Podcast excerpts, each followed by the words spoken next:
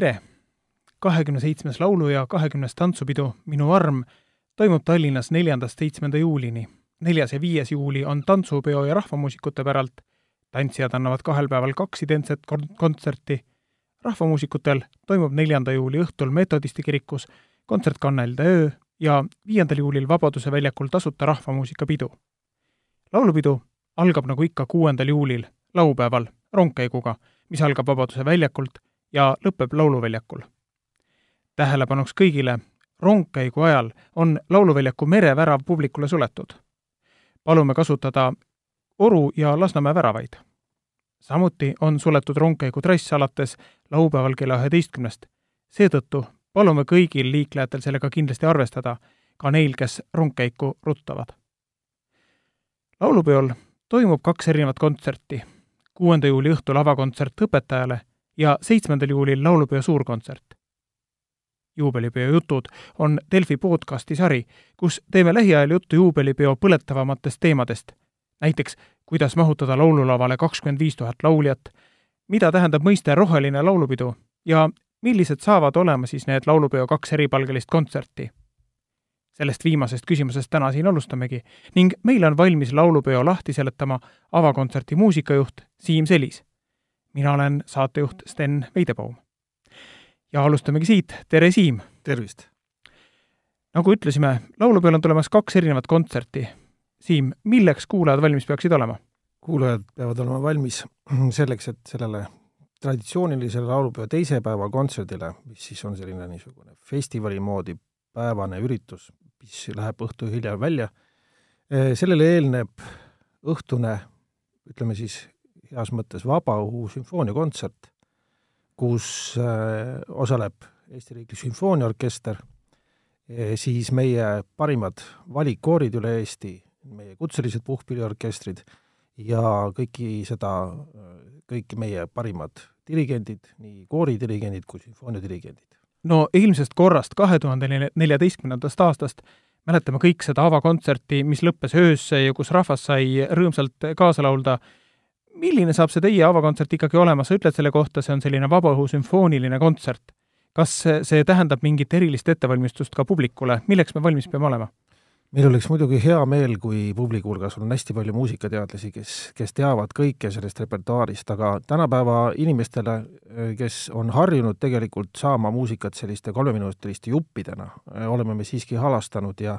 ja see on kontsert, kus me oleme valinud Eesti muusika võib-olla siis kullafondist säravamad numbrid, teeme sellise ikkagi jällegi nagu kaks tuhat neliteist samasuguse ajaloo rongkäigu või sellise ringkäigu, lähme kõigepealt sada viiskümmend aastat tagasi sinna, kust meie laulupeod alguse sai, ja kuna meie kontserdi pealkiri on õpetajale, siis me oleme seekord pööranud pilgu oma muusikalistele eelkäijatele. Ja Eesti muusika kaks olulist sammast, üks siis on Simse seminaris Valgas ja teine Peterburis, Peterburi konservatooriumis, mõlemad need sambad on need, millele tegelikult meie oma kontserdiga tugineme. Me alustame just nendest meestest, kes oma õpetuse said Simse seminaris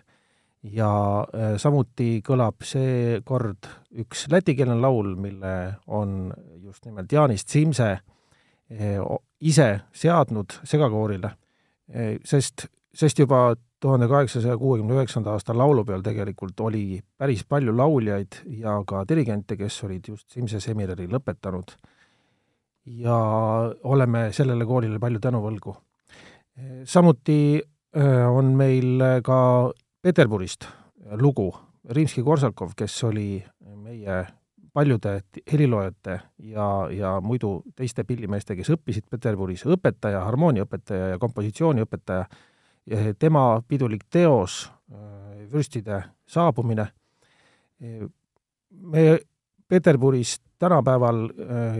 räägime kui sellisest suurest kultuurikeskusest ja tegelikult võib-olla ikkagi väga palju meie kuulajaid ei tea, et tegelikult meie enamik äh, heliloojaid ja väga palju muusikuid on tegelikult kahekümnenda sajandi jooksul seal õpetust saanud. tänapäeval need sidemed on, on nõrgemad, kuid meil on ka laulupeol ju mitmed dirigendid, kes on õppinud Peterburis. too mõni näide Loomulikult Neeme Järvi, kes juhatab seda Rimski-Korsakovi teost, kes on meie muusika suursaadik maailmas, ja veel ka võiks nimetada kindlasti Anu Tali ja ka Tõnu Kaljuste kes on õppinud kõik Peterburis. samuti äh, meil on veel kutselisi puhkpilliorkestreid, juhatab ka Aavo Ots, kes oma muusikuteed just jätkas Peterburis peale, peale Tallinna Konservatooriumit. no ma saan aru, et lavale tulevad väga kõrgetasemelised dirigendid, äh, laval on ERSO, nagu ma olen sellest aru saanud, kes neid äh, palasid kõiki esitavad, kes seal laval on, kas ühendkoor kakskümmend viis tuhat seisab laval õhtu algusest lõpuni või, või kuidas see kava on teil üles ehitatud? jaa, laulupeode algus on traditsiooniline, pannakse tuli põlema ja laval on tõesti ühendkoorid, aga pärast ühendkooride alguse plokki jäävad lavale siis valikkoorid, need, kes on avaldanud soovi osaleda selles, selles plokis. Ja need on siis meie parimad segakoorid, naiskoorid, meeskoorid ning samuti ka lastekoorid. Sa nimetasid siin muuhulgas ka lastekoorid, eh, kuidas see kava ikkagi välja näeb, kas see tähendab seda, et me oleme harjunud sellega, et vahepeal kulub väga-väga palju aega sellele, et koorid vahetavad asukohti, eh, tulevad peale, lähevad maha, kas nüüd sellel avakontserdil kõik, kes sinna lavale jäävad, need valikkoorid, kas need on algusest lõpuni laval või toimub ka mingisugune liikumine? Kõik need valikkoorid, täis, täiskasvanute valikkoorid tõepoolest veedavad selle kontserdi laval. me lastele muidugi halastame, lapsed tulevad äh, vahepeal oma looks, milleks on siis Arvo Pärdi Meie aed, esimene osa, tulevad lavale ja peale seda nad saavad jälle minna puhkama, kuid nad liituvad selle valikkooriga siis lõpus, kui äh, on meil siis plaanis ühe, ühislaulud koos publikuga seekord ka. me ei ole sellest veel rääkinud, aga ma võin seda kohe siia juurde rääkida meie esimese päeva lõpp näeb siis välja selline, et, et me üritame laulda koos publikuga, kes on siis äh, kogu meie Lauluväljaku vaatajaskond. Ja meil on valitud sellised äh, tuntud laulud ja samas ka uued laulud, mida me üritame saada niimoodi esitada, et kohe on publik valmis seda kaasa laulma. Meie teates, on tekstid Tauno Ants on kirjutanud meile suurepärase laulu, mille nimi on Üksi pole keegi, ma arvan, et, et paljud kuulajad on ehk seda juba raadiost ka kuulanud. meil on seal ka sellel kontserdil eeslaulja ja me üritame teha nii, et see lugu äh, jõuaks kõikide, kõikide südamesse ja kõik suudaksid seda vähemalt siis teisel esitusel, mis loodetavasti tuleb kohe sealsamas, kaasa laulda. noh, hüppasime äh, juba siis äh, kava lõppu ära ühislaul eeldab ikkagi seda, et, et koorid laval ju teavad, mida nad laulma hakkavad ja laulavad ette. kust publik saab äh, ikkagi seda infot, üks asi, sa ütlesid, et on teatajas need tekstid olemas, kas publik saab juba harjutada kodus ka neid laule laulma? jaa, publikul on väga hea võimalus vaadata laulupidu.ee, kus on siis olemas erinevad, erinevad versioonid sellest laulust, kus on lauljaga, eeslauljaga, siis ka äh, koos järelllauljaga see laul ja siis ka karaoke variant nimetame seda nii kus siis on lihtsalt muusika, nii et laulupidu.ee tuleb leida üles Üksi pole keegi ja seal on olemas, olemas erinevad, erinevad lindid, lindistused.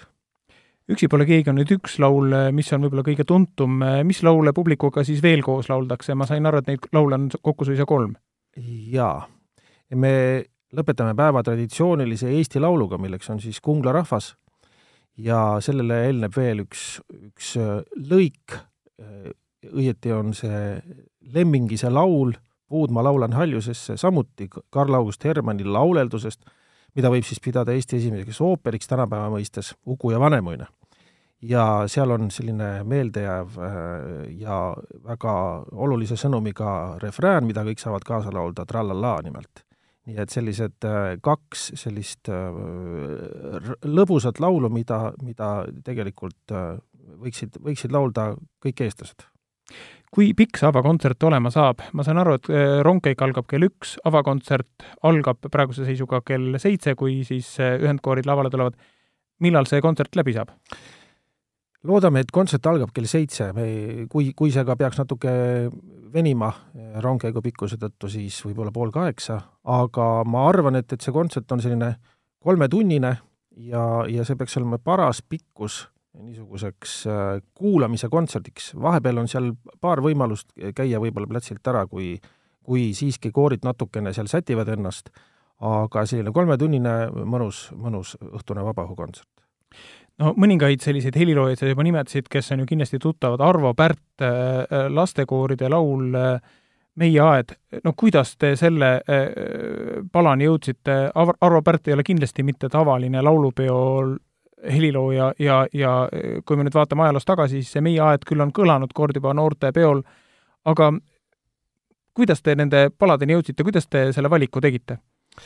eks siin tegelikult selles kavas, kui ma praegu vaatan teda siit telefonist, on väga palju siiski minu enda lemmiklaule, lemmiklugusid. aga tegelikult see, see tööprotsess oli selline, et, et äh, koos Peeter Pernsiga me, me valmistasime ette terve sellise pika nimekirja lauludest või lugudest, siis teostest, mis sellel õhtul kõlavad. ja koos meie äh, heade kolleegide liigijuhtidega siis me tegime selle valiku Arvo Pärdi nimi kontserdikavas, ta on ka teisel päeval esindatud just sellise sellise teosega, mis on pärit sealt tema nooruspõlvest, et see Meie aed on tegelikult väga esitatud lugu ja just eriti välismaal, seda väga palju, kui, kui inimene lööb Youtube'i selle sisse, siis seda erinevad, erinevad koorid üle maailma seal esitavad. Ja ta on selline hea ekskurss sinna viiekümnendatesse, sellepärast me, kui me sealt äh, saja viiekümne aasta tagant alustame, siis tegelikult kõik need kümnendid, mis, mis selle saja viiekümne aasta sisse jäävad, on meil muusikaga täidetud ja ja viiekümnendatest aastatest just üks, üks niisugune karmist ajast, aga väga selline lõbus ja lugu, milles on ühendatud siis väga hea muusikaline kvaliteet ja ja tolle aja selline ideoloogiline sisu. aga mis, mis tänapäeval kõlab täiesti, täiesti värskelt Tauno Antsi seades kui palju neid lastekoore sinna lavale koguneb valiklastekooride pala esitama? ütleme, neid lapsi on kuskil tuhatkond, nimetame selle arvu sellisena, kes siis, kes siis, kedagi veel, mõningaid paluti nii-öelda juurde, et, et aidata seda, seda laulda ja see peaks olema niisugune piisav, tugev, tugev koor. nimetasid siin ka, et, et laval on veel valik meeskoorid, valik naiskoorid ja valik segakoorid nüüd äh, ettevalmistusprotsessis väga palju sellest avakontserdi kavast juttu pole olnud, sellepärast et kõik nägid suuremalt jaolt vaeva ettelaulmistega, milleks olid siis tarvis selgeks õppida äh, teise päeva kavast erinevad palad. kui lihtne või keeruline oli see ettevalmistusprotsess äh, selle avakontserti kavaks, millised pähklid, millised on need suuremad pähklid, mis meie koore seal ees ootavad? Siin on tegelikult äh, ütleme, tüüpiline vastus nii ja naa, et, et siin on selliseid lugusid, mida tegelikult äh, koorid oskavad, keda koorid on laulnud ja siis on, on selliseid äh, täiesti selliseid väljakutseid. ütleme, võib-olla siin üks, üks keerulisemaid teoseid, millega näiteks segakoorid on siin maadelnud, on Noore Veljo Veeritage, Mart Saare laul, mis on tehniliselt väga keerukas ja, ja mida meie kolleegid koorijuhid on siin mõelnud juba varasematel aastatel, et kas nad, kas nad riskiksid seda esitada, seekord me võtsime koos selle riski ja, ja loodame, et, et sellest tuleb äh, suur õnnestumine e,. Siis äh, väga niisugune mastaapne teos meil on Kirillus Kreegi Sanctus tema Requiemist, mida siis esitavad ühendkoorid, üle, ühendvalikkoorid mis on ka väga paljude kooride repertuaaris siiski jällegi väga ju palju esitatakse Kirillus Kreegi Reekemi. Eh, see on võib-olla niisugune olulisem teos. ja, ja siin ei saa jätta mainimata Evald Aava laulu Me oleme Põhjamaa lapsed, millele mm, seekord valmis meil ka orkestrisaade, see on originaalis a capella laul aga jällegi koos mõtlesime ja leidsime, et, et see laul on väärt saama ühe sellise kena saat-, saate. Ja Rasmus Puur kirjutas meile saate ja ka proloogi sellele laulule. nii et need on, need on sellised mastaapsemad, muidugi loomulikult kava alguse poolt veel Rudolf Tobiase Otse kui hirv segakooride esituses, aga jällegi viimases näiteks Tallinna segakoori eelproovis kõlas see laul lihtsalt suurepäraselt no lisaks kooridele, lisaks orkestritele saan ma aru, et vahepeal jääb lava päris äh, ainult ka solisti päralt?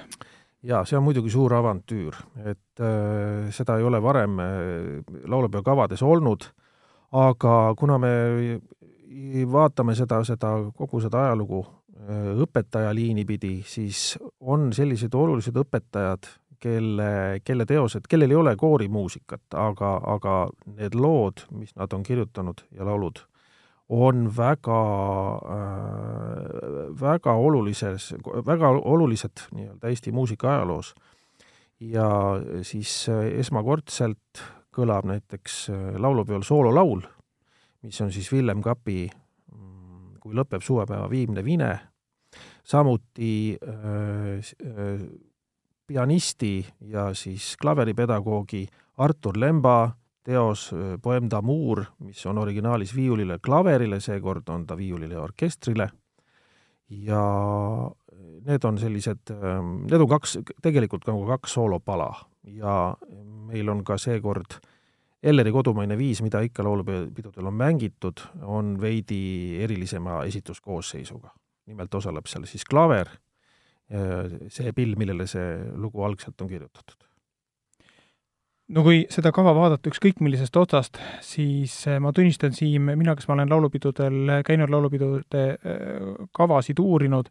siis mulle tundub küll, et eh, see on nagu selline väga-väga ehe juubelipeoks ülimalt sobilik kava, mis teisipidi tõenäoliselt tänasel päeval võib tekitada ka teatud üllatust ja ehmatust äh, kuidas te ise arvate, kas publik tunneb selles laulupeo avakontserdis ära siis nii-öelda selle laulupeo hõngu või, või, või milleks publik peab ikkagi ennast eh, moraalselt valmi-, valmis panema? ma väga loodan, et publik tunneb ära, et eh, eks see, eks see esimene päev ole selline vahest ka selline eksperimendipäev olnud siin laulupidude ajaloos, kui vaadata vanu kavu. Meie soov tegelikult selle esimese päeva kontserdiga on näidata, et tegelikult see Eesti professionaalne muusika, siis see, mis on siis võib-olla meie ooperid, meie sümfooniaorkestri repertuaar ning siis see laulupeo repertuaar tegelikult on nagu, see kõik on nagu ühes, ühes, ühes suures katlas, ega me ei saa ju eraldada seda laulupeokultuuri kuidagi meie professionaalse muusika kultuurist, sellepärast et meie meie Muusikaakadeemia, mis ju sügisel tähistab äh, sajandat äh, tegevusaastat, on ju kõikide nende meie dirigentide ja väga paljude nende heliloojate, kes, kes sel õhtul, kelle muusika kõlab, Alma Mater, ja me ei, ei, ei saa kuidagi öelda, et see on, üks on laulupeo repertuaar, see ei ole, loomulikult on, on selle, selle jaoks on teine päev laulupeost, kus kõlab selline traditsiooniline laulupeo repertuaar, kuigi enamus on seal ka uudisteosed, aga see esimese päeva õhtu peaks olema küll selline niisugune äh, ilus, äh, kuidas ma ütlen, selline mitte, mitte lühikokkuvõte, see kõlab halvasti, aga selline äh, ühes, ühes pähklikoores selline Eesti muusika ajalugu. ma küsisin dirigent Olari Jeltsilt selle esimese päeva kava kohta, et te olete selle küll pühendanud äh, õpetajale, aga kui ma seda kava vaatan, ma ei saa kuidagi lahti mõttest, et mõnes mõttes te ise Peetriga ja kõigi nende valikkooride ja ERSO-ga ja dirigentidega äh, astute sellel õhtul õpetaja kingadesse ja pakutegi ühe sellise muusika ajalootunni eh, kuulajale, kas seda võib sedasi ka vaadata? see oleks ju väga tore tegelikult, kui, kui seda saaks võtta kui niisugust ühte, ühte õpetuse õhtut, et äh, meie annamegi jällegi ju edasi seda, seda, mis on olnud enne meid, sellepärast et ma loodan, et, et see Eesti muusika tulevik ei ole mitte ainult sada viiskümmend aastat, vaid ka rohkem edaspidi ja, ja see kõik, äh, see, mis on olnud, on ju meie jaoks väga oluline. mul on ka väga hea meel selle üle, et, et äh, need dirigendid tegelikult, kes meil juhatavad, siin on äh, äh, Nendega rääkides on tekkinud selliseid üllatavaid seoseid, et, et ka näiteks, no toon näite, Toomas Kapten juhatab Eugen Kapi mm, Mõõkade tagumist, tema balletist Kalevipoeg, ja ta kirjutas, kui ta ütles, et jah, ma võtan selle loo juhatada, sest et Eugen Kapp oli minu esimene äh, kompositsiooniõpetaja, et tegelikult sellised seosed, neid seoseid siin on veel päris palju, selliseid äh, kuidas ma ütlen, muusikalised äh, e eesisad või siis vanaisad, et äh, siin on õpilasi, kes tegelikult esitavad oma õpetaja, õpetaja teost ja, ja väga palju tegelikult selliseid asju. et kõik see ju läheb edasi, et, et needsamad õpetajad kes, kes ise siin praegu täna esitavad meile, mängivad, juhatavad, nemad, nende õpilased võtavad selle töö üle ja ja annavad edasi oma õpetust, nii et tegelikult ma loodan, et, et me oleme siiski väikese sellise õpetuse kokku pannud teistele. ma arvan seda küll. ütle mulle lõpetuseks, kui te ei oleks ette valmistanud äh, kava juubelipeoks, nii nagu see sel korral on, kas see kava oleks näinud samamoodi välja, kas see oli mingi asi, mis oli teil Peetriga juba mõttes ja südames juba enne seda, või mõtlesite seda kava kokku pannes ikkagi sellele laulupeo saja viiekümnendale juubelile? eks tegelikult see sada viiskümmend siit kavast kumab läbi küll, et, et need just võib-olla need saja viiekümne, päris mitte saja viiekümne aasta tagused, aga ütleme siis üheksateistkümnendast sajandist pärit lood, need ikkagi viitavad sellele, et me oleme seda, üritanud seda, kogu seda sada viitekümmet aastat katta, võib-olla selles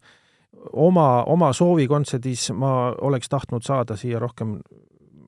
kaasaega, et siit on väga, mõned, mõned väga olulised nimed mitte puudu, aga nende, nad on olemas siin tänu nende õpilastele jällegi, me üritame nii-öelda mitte kedagi ära unustada. aga ma arvan, et kindlasti siin oleks olnud meie, meie kaasaega võib-olla selles kavas rohkem, aga, aga me ei tahtnud ka teha väga pikka kontserti, mida keegi enam kuulata ei jaksa